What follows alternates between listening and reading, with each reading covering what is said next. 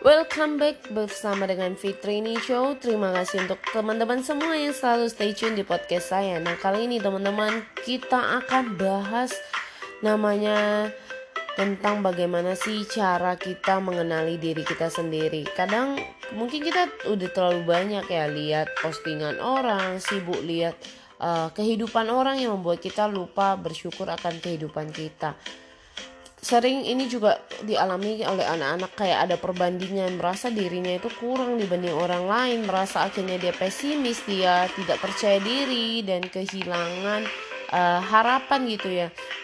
Nah teman-teman sering banget ini semua terjadi buat kita semua buat kita baik orang dewasa juga pasti ngalamin. Kadang kita melihat uh, rumput tetangga lebih bagus dari kita melihat usaha mereka lebih baik dari kita kita jadi merasa kayak kita itu kurang banget ya. Kok kita nggak bisa sukses mereka? Bahkan kayak di dunia mungkin bisnis anda juga ngalamin kayak anda merasa kok leader saya lebih hebat dibanding saya?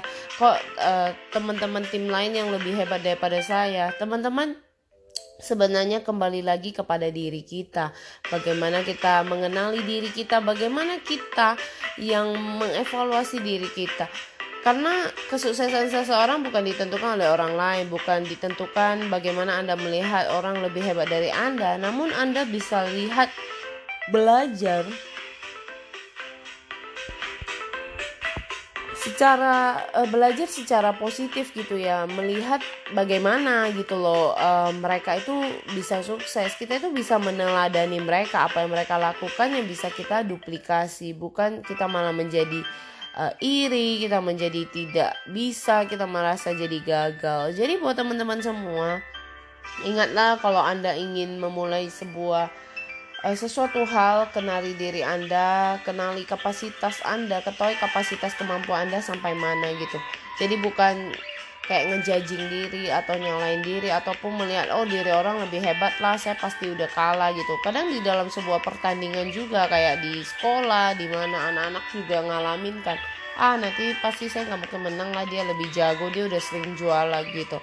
Saya juga ngalamin teman-teman di saat saya uh, mengikuti kontes saya mengikuti kontes bersaing dengan orang-orang yang udah kapasitasnya mungkin saya merasa mereka udah lebih jauh daripada saya dan saya jadi kayak merasa ya udahlah mungkin mereka yang akan mencapai di posisi tersebut namun tidak sangka saya bisa mencapai prestasi dan mendapatkan juara. Nah itu bukan menandakan betapa diri saya hebat dan bangga. Tapi saya bersyukur bahwa setiap proses demi proses yang saya lalui, latihan terus menerus itu nggak akan sia-sia gitu.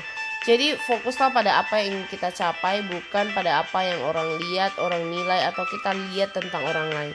Lakukan yang terbaik untuk berjuang terus, lakukan terus, latih diri Anda, dan tidaklah pernah menyerah, bahkan juga tidak pernah untuk terus membandingkan diri kita dengan orang lain. Karena semakin kita banding-bandingkan diri kita, maka kita terus akan merasa diri kita nggak mampu, nggak sanggup, dan serba kekurangan. Lakukan yang terbaik teman-teman, teruslah berdampak, berikanlah uh, inspirasi buat orang di sekitar kita, karena hidup kita berarti dan hidup kita layak untuk diperjuangkan. Semangat teman-teman, semangat beraktivitas untuk hari ini.